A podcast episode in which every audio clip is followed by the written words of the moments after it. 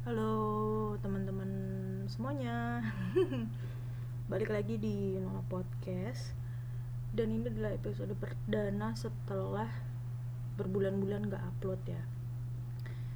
Luar biasa banget akhirnya Memberanikan diri untuk uh, mengupload lagi setelah sekian lama gak ada bahan.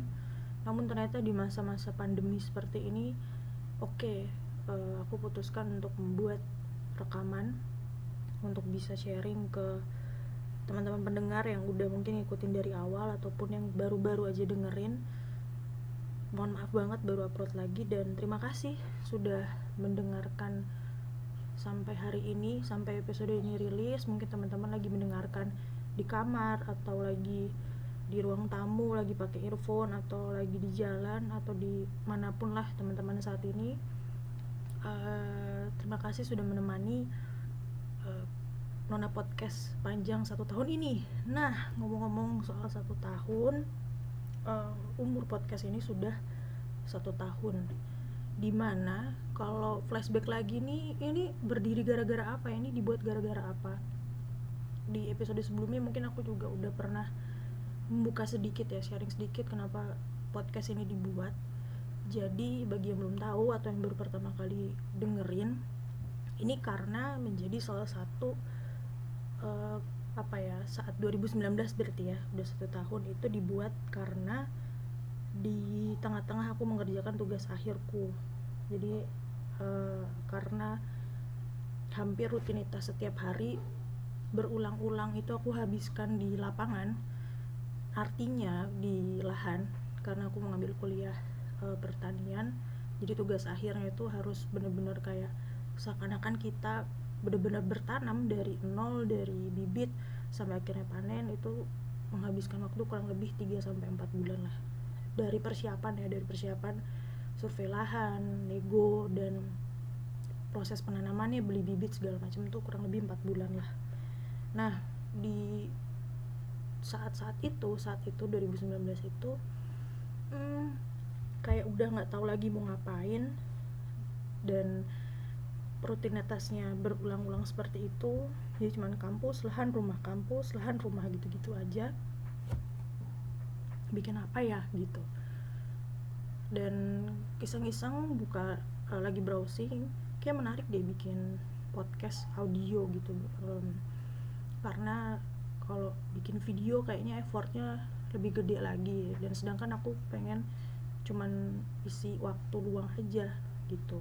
Di tengah-tengah kesibukan aku di lahan dan juga di kampus ada waktu luang lebih banyak kenapa kita nggak rekaman aja lebih simpel editingnya gampang dan platformnya saat itu hingga saat ini bahkan ada anchor.fm yang kita bisa taruh di Spotify, di Google Podcast dan di platform platform yang lain gitu kan.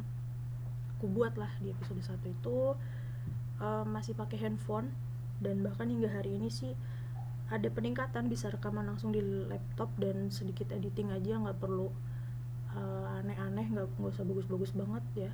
Yang penting suaranya jelas dan ya apa ya terciptalah. Nona Podcast terciptalah dan sekarang udah satu tahun umurnya.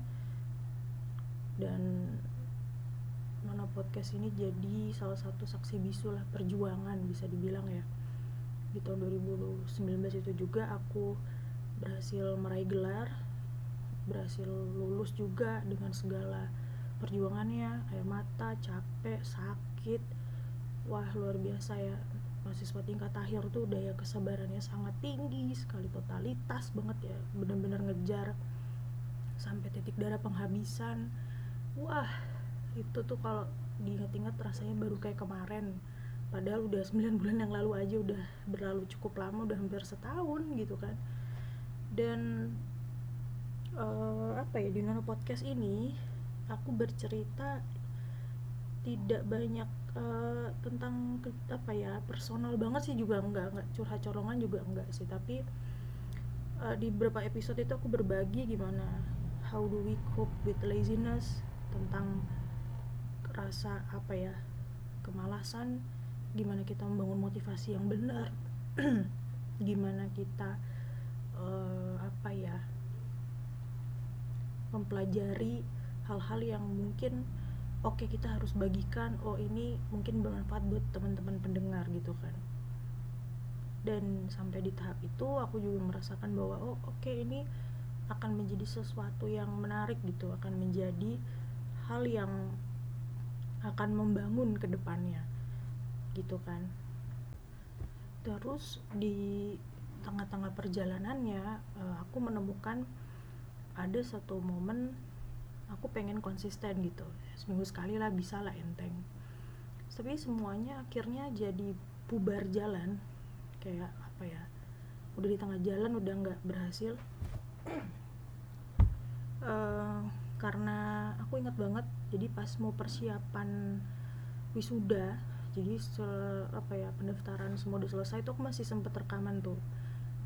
Dan udah mulai persiapan wisuda udah mulai bubrah semuanya udah nggak tahu lagi harus mana dulu yang dikerjain karena prosesnya cepet banget gimana aku harus uh, bolak-balik kampus terus tiap hari pulang udah sore.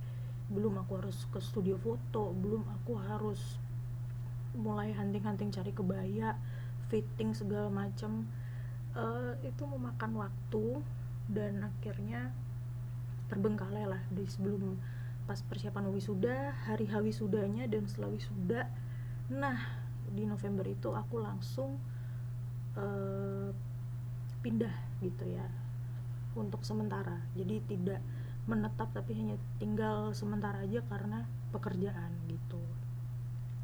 Jadi emang uh, ada satu transisi yang aku juga masih harus adaptasi ya karena perpindahannya cepet banget dan aku tidak nggak dalam kondisi tidak siap gitu. Aku membawa ya baju ala kadarnya yang penting baju rapi baju standarnya orang mau interview segala macam dan nggak barang nggak banyak barang lah pada intinya. Ya udah sampai di fase aku harus adaptasi gitu. Hingga hari ini hingga hari ini masih perlu penyesuaian terhadap lingkunganku yang baru gimana aku masih struggle juga gimana aku bisa buat koneksi dengan orang-orang lain. Itu dia yang sebenarnya menjadi kendala bagiku ya. Namun aku juga merasakan bahwa uh, ini akan menjadi sesuatu yang apa ya bener-bener di luar zona nyaman akhirnya aku tinggalkan podcast. Jadi uh, beberapa bulan lalu terakhir April aku tetap upload satu episode itu doang. Selebihnya selama pandemi ini aku tidak upload sama sekali. Aku benar-benar melupakan nona podcast sampai nggak apa ya kayak nganggep udahlah berhenti aja gitu. Tapi karena setiap hari ada di Twitter kan aku di Twitterku itu mencantumkan linknya nona podcast. Uh, jadi kayak aku tiap melihat itu oh ini masih ada tapi nggak jalan gitu. Karena apa ya aku juga merasa bahwa apa yang mau dibahas ya apa ya gitu. Padahal aku udah ada bahan oh oke okay. mau bahas ini ah ini ini ini gitu. Tapi tidak aku apa ya, brainstorm secara dalam dan kendala waktu dan struggle juga terhadap adaptasi ini yang uh, berat gitu ya karena mungkin bagi sebagian orang hmm, proses adaptasi itu beda-beda. Ada yang uh, udah easy going aja ngalir ada yang uh, apa ya ya udahlah yuk bisa bisa gitu dipaksakan gitu kan. Tapi kalau aku juga nggak bukan tipe orang yang mudah gitu. Karena apa ya di kota asal di tempat aku yang selama ini tinggal tumbuh dan juga punya teman banyak di kota asal kayak aku belum keluar dari kandang tapi aku nggak tahu harus ngapain gitu analoginya gitu. Kadang orang dilepas dari kandang dia malah hura-hura happy happy akhirnya aku menemukan kebebasan segala macam segala macam.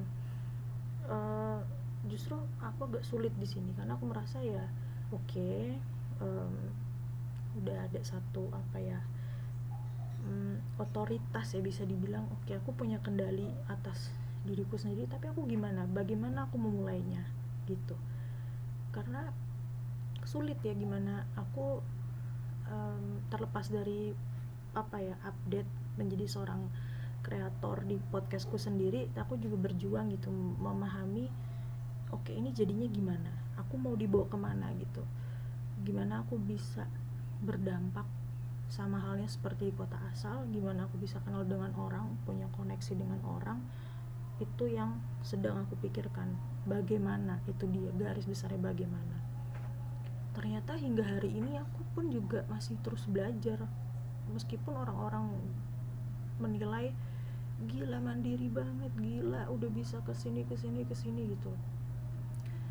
Uh, menurutku saya apa ya jauh masih jauh banget dari itu dan aku masih terus belajar gimana harus aku belum apa ya balik lagi aku merasa ya aku merasa dua kata itu kayak ya itu hanya dari sudut pandang aku aja sedangkan orang lain berpikir bahwa wah udah ini banget ya udah mandiri udah bisa ke mana-mana udah apa ya udah pinter nih udah jago masak segala macam segala macam. Uh, di situ aku juga dengan ada seperti itu orang jadi ngerti oh berarti ada peningkatan gitu ada progres yang luar biasa yang mungkin di kota asal aku tidak pernah melakukan itu tapi di tempat yang baru ini aku bisa melakukan itu. Itu pandangan orang lain ya tapi pandangan aku bahwa melihat ah enggak deh aku masih jauh banget masih jauh banget. Itu adalah salah satu perasaan yang aku akhirnya analisa sendiri oh oke okay, aku insecure. Bener-bener khawatir FOMO itu dia. Kayak aku kehilangan teman-teman dalam arti ya udah gitu pertemananku dengan orang-orang banyak di sana tiba-tiba harus raib gitu ya. Aku menganalisis seperti itu. Dan apa ya sebenarnya ada sosial media ada ya ada ada teknologi bernama WhatsApp ada teknologi yang bernama Line ada teknologi bernama Instagram Twitter dan segala macam platform itu bisa sih dipakai sebagai sarana silaturahmi untuk nanya kabar, eh, video call segala macam. Tapi bagiku ya namanya manusia kayak ngerasa nggak cukup gitu. Pengen ketemu pengen ketemu fisik ngobrol tatap muka bener-bener pengen hahaha nggak harus terpatok di layar cuma bisa lihat di layar handphone masing-masing layar laptop masing-masing. Kayak rasanya ada yang kurang ya kok kok gini banget ya gitu.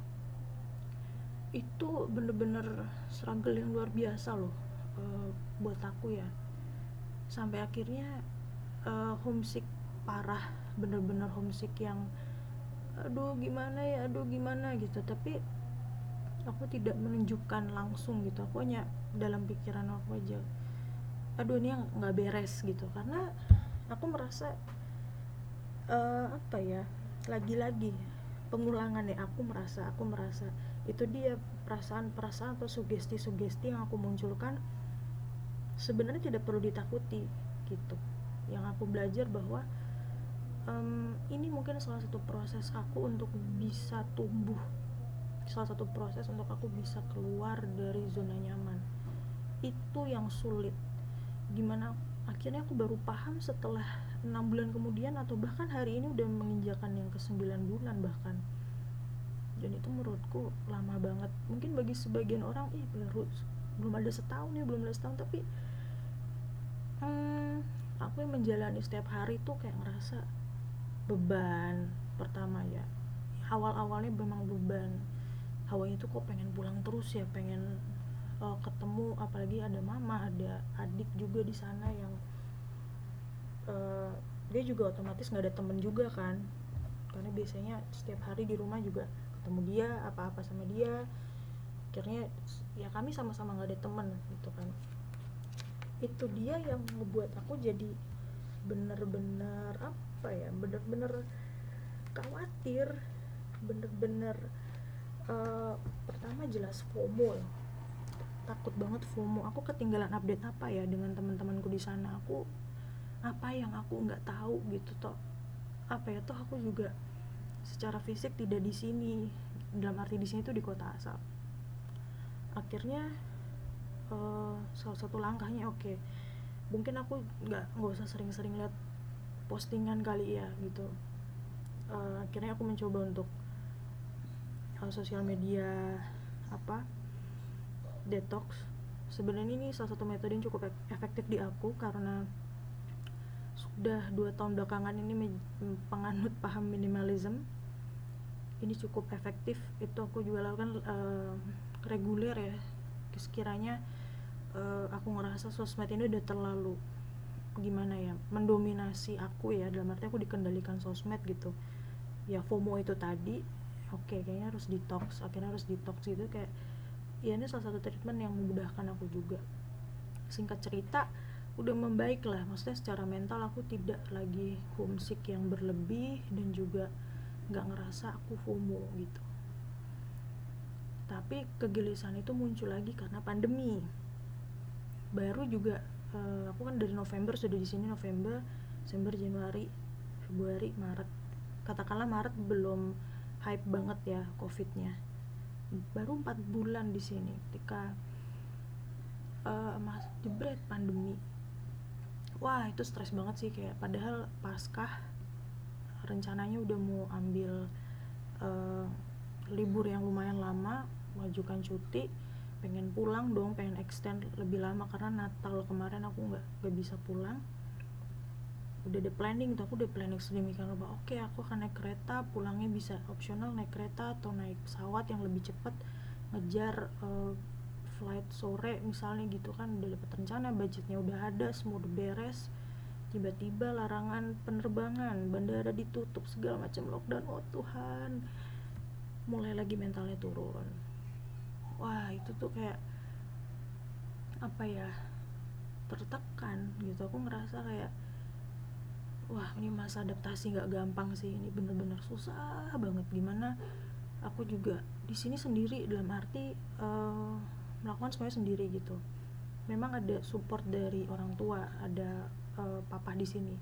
Tapi karena kami berdua sama-sama tidak di rumah kami bekerja uh, sama-sama kerja gitulah. Kami hanya ketemu ya udah malam doang. Kecuali kalau mungkin udah aku tidur tidur duluan kalau udah keburu capek segala macem kan.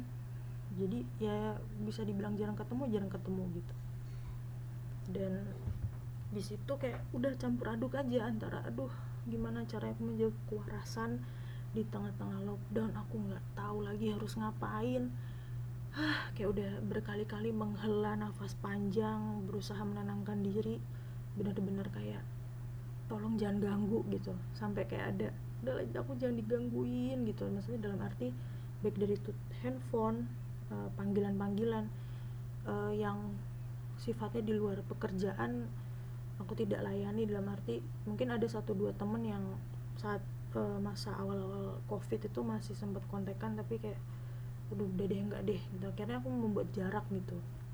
Bener membuat jarak dan itu berat sih masa awal-awal covid itu kayak duh udah kayak ya nggak nggak bisa pulang. Uh, aku juga kayak sangat struggle dengan timbul lagi tuh homesick itu tadi. Kayak aku merasa bahwa aku kehilangan teman-teman aku kehilangan pergaulan dan gimana ya gitu.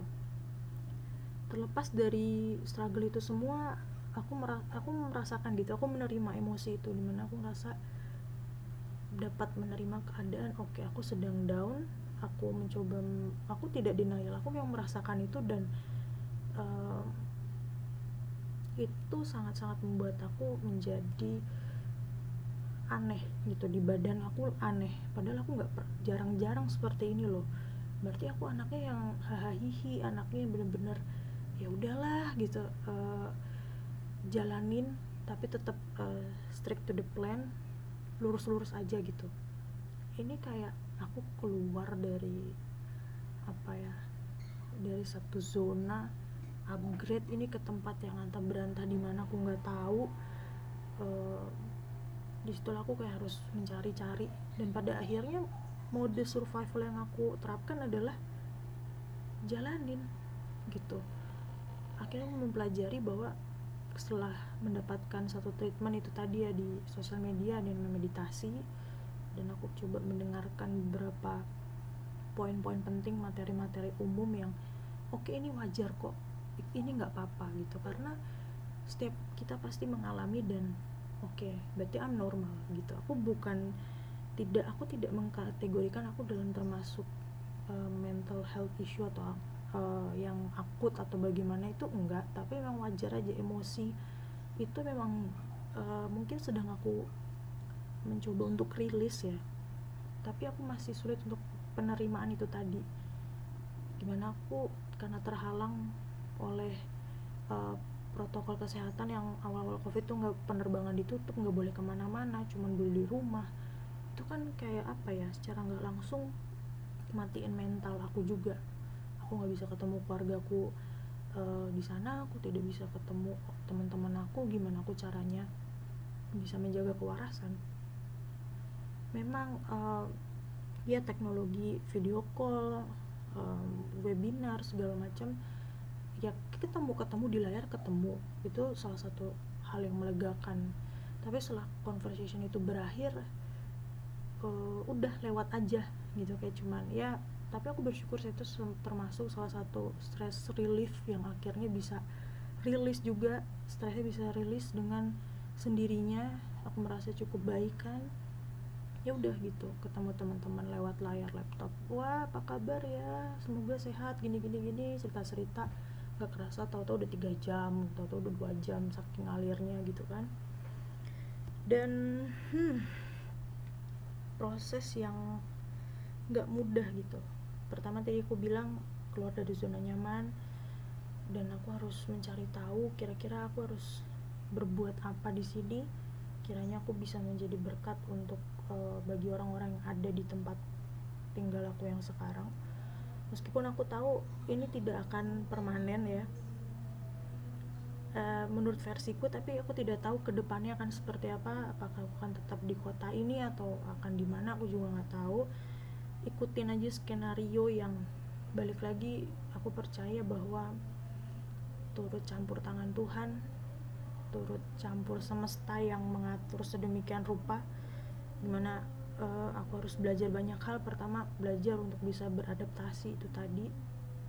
Belajar untuk menerima aku menerima rasa-rasa yang menurutku nggak nggak enak menyebalkan gitu. Aku terima aku olah bener-bener uh, menurunkan ego itu yang sulit. Menurunkan ego dan akhirnya di tahap ini ya dalam arti sudah tiga bulan semenjak uh, sorry empat bulan pandemi ini ada berangsur-angsur kan udah new normal. Tentu saja masih ada sih rasa kadang uh, hilang timbul hilang timbul gitu tapi tidak udah tidak separah berapa bulan lalu yang aku harus benar-benar um, apa ya sangat struggle sekali.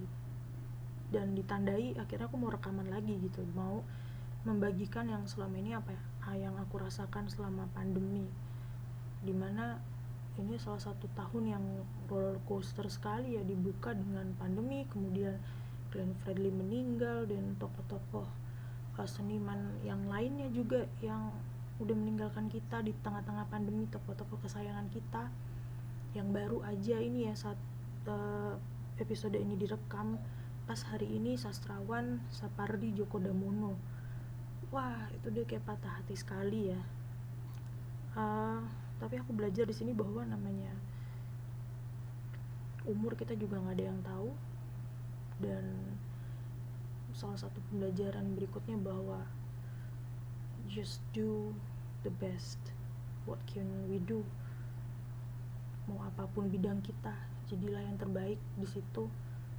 Dan balik lagi seperti uh, statement aku juga di awal bahwa bagaimana kita bisa menjadi berkat buat orang lain di sekitar kita bagaimana kita bisa membawa positive vibes in a good way tentunya untuk uh, orang-orang uh, yang ada di sekitar kita begitu. Tetangga rekan kerja rekan pelayanan bahkan dan masyarakat lah lingkup secara luas gimana kita bisa memberikan aksi nyata itu tadi. Terus kemudian dari struggle-struggle itu tadi um, aku juga belajar bahwa aku tidak merasa sendirian gitu ya. Kesepian mungkin iya. Dalam arti kalau melihat kesepian itu kan kayak nggak ada siapa-siapa segala macam. Tapi akhirnya aku belajar bahwa ke kesepian kalau misalnya di statement aku merasa kesepian bisa jadi itu sugesti. Karena kita padahal uh, kita menyadari bahwa ada orang tua ada adik ada kakak ada sahabat-sahabat misalnya tapi kita ngerasa ya kita kosong aja nggak ada siapa-siapa nggak ada yang mau dengerin kita atau apa. Padahal kita yang membuat boundaries itu sendiri. Padahal kita sadar tadi itu kan ada kita bisa kok cerita kita bisa share ke orang tua yang sekiranya nyaman dengan kita bercerita ke orang tua mungkin ada yang just go to profesional karena di zaman sekarang ini kayak kita jangan sampai salah curhat uh, ke orang yang salah ya jangan sampai kita salah sasaran malah justru karena udah banyak banget kasusnya yang uh, ya jadi target sexual abuse uh, ya gitulah sexual harassment segala macam harus hati-hati. Kalau memang if you don't feel okay maybe this is uh, the worst than me gitu kan. Atau mungkin kalian bisa merasakan aku tuh ada ini lebih parah loh Del. Ini lebih nggak nyaman. Just go to professional. Balik lagi di sini gue hanya berbagi gimana gue bisa struggle di situ gimana bisa berdamai dengan keadaan dengan keadaan. Bisa dibilang ya mungkin timelinenya 989 bulan ya mungkin this is really short gitu. Tapi bagiku gimana aku akhirnya um, apa ya pelan-pelan lah dengan membaca artikel yang benar. Aku meng balik lagi the power of social media dipertemukan dengan orang-orang yang oke okay, ini tepat orangnya uh, ahli di bidangnya someone that I can trust with gitu bisa percaya uh, akhirnya nyaman dan aku bisa pelan-pelan uh, mempelajari itu semua aku praktekkan it's all about practice balik lagi ya udah gitu akhirnya sudah I feel so much better than yesterday tentu aja. Dan apa ya just go to professionals. That's all what can I say. Jangan menganggap apa ya kita langsung analisis sotoy-sotoy wah aku kena mental health oh aku gini aku kena sindrom gini-gini. Belum tentu gitu. Jadi jangan. Dan aku sangat concern sekali dengan kesehatan mental makanya uh, ini jadi out of topic ke mana-mana tapi memang balik lagi Eh, salah satu kalau nyambung ke konten Nona podcast ya ya ini salah satu akhirnya aku memberanikan diri untuk rekaman lagi mencoba untuk kembali uh, berbagi karena sekali lagi sesuai deskripsinya ingin berbagi sharing pengalaman dan inilah yang mungkin bisa aku sampaikan di episode ini. Semoga teman-teman aku yakin aku tidak sendirian menghadapi ini. Teman-teman pasti juga iya. Gimana teman-teman mungkin struggle-nya bisa jauh lebih berat uh, yang bisa aku bilang bahwa in, this is temporary. Ini hanya sementara. Gimana uh, kita mencari kelegaan itu tadi di tengah-tengah pandemi ini kita bisa masih merasa waras masih bisa merasa bersyukur itu tadi. Meskipun ya dalam keadaan sekurang-kurangnya kita tapi kita yakin bahwa ini nggak akan selamanya. Pelan-pelan kita akan naik lagi pelan-pelan kita naik lagi. Ya istilahnya kayak tertatih-tatih dulu lah kita baru bener-bener jalan yang jejak. Dalam arti ya jalan dengan benar dengan udah nggak tertatih-tatih udah nggak luka-luka udah nggak jatuh-jatuh gitu ya. Itulah proses yang sangat panjang bener-bener panjang banget. Apa ya? Gimana ya? Uh, aku bingung nih menyampaikannya tapi yang jelas bahwa uh, hadapi prosesnya jangan ditolak jangan uh, uh, apa ya? Gimana ya kata-kata yang benernya. Hadapi prosesnya tentu saja pasti karena kita hidup dalam ketidakpastian. Kapan ini berakhir kapan semuanya benar-benar kembali seperti sebelum bulan Maret ya kan? Masih bisa uh, kontak fisik dengan orang-orang. Bahkan untuk salaman aja sekarang kita di terbatas ya ruang geraknya. Ya apa ya tipsnya mungkin tidak ya kalau tips ya balik lagi orang beda-beda cuman yang bisa kita lakukan sekarang adalah uh, pertama kita memaintain kewarasan itu harus jangan udah pusing ditambah lagi pusingnya pinter-pinternya kita untuk pertama memilih media karena kan kita bersinggungan terus dengan gadget bersinggungan dengan sosial media. Uh, pinter-pinterlah kita mengolah berita informasi yang sekiranya untuk kita dibikin kita stres jangan dibaca. Uh, bener-bener follow yang orang-orang bisa menginfluence kamu menjadi lebih baik. Itu ngaruh ya kalau dari segi kedekatan karena sosial media dan internet itu sudah menjadi teman sehari-hari. Karena kan teman-teman buat salah satu apa ya media ya teman-teman dalam webinar, uh, kelas online, workshop, uh, kuliah bahkan kuliah online ataupun dalam pekerjaan yang work from home gitu. Itu tadi gimana kita memaintain uh, kehidupan internet kita supaya kita tetap waras dan kegiatan-kegiatan lain yang sebenarnya udah banyak banget bisa kita lakukan berkebun, masak, menggambar, uh, mungkin kembali lagi ke hobi lama yang udah kita tinggalin bisa aja main musik kayak kita kulik-kulik uh, aransemen baru atau kita ngajak kolaborasi siapa. Kita bisa berkarya di media yang lain bisa di podcast ini atau juga lewat video ataupun yang lain lah berkarya lah sesuai yang teman-teman suka. Mungkin itu yang bisa aku sampaikan sekarang. Itu ngomong-ngomong soal apa ya kembalinya ya kembalinya Nono podcast ke permukaan ini.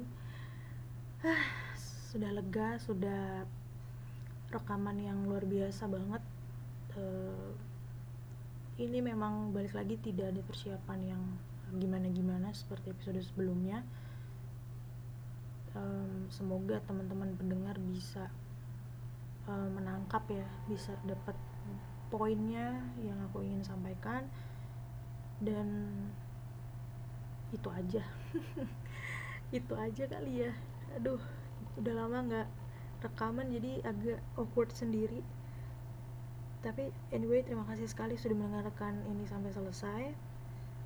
Uh, silahkan mampir-mampir ke episode sebelumnya. Di situ uh, aku juga share beberapa pengalaman-pengalaman yang pernah aku lakukan gimana aku maintain terhadap satu hal uh, bagaimana uh, aku bertumbuh di situ juga.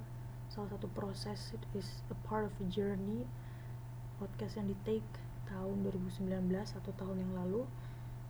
Uh, ke depannya semoga bisa membahas hal-hal yang uh, lebih general lagi nggak sedih-sedih lagi. Semuanya bisa mendapatkan manfaatnya faedahnya. Gitu aja. Oke? okay? Sampai jumpa di episode selanjutnya. Bye bye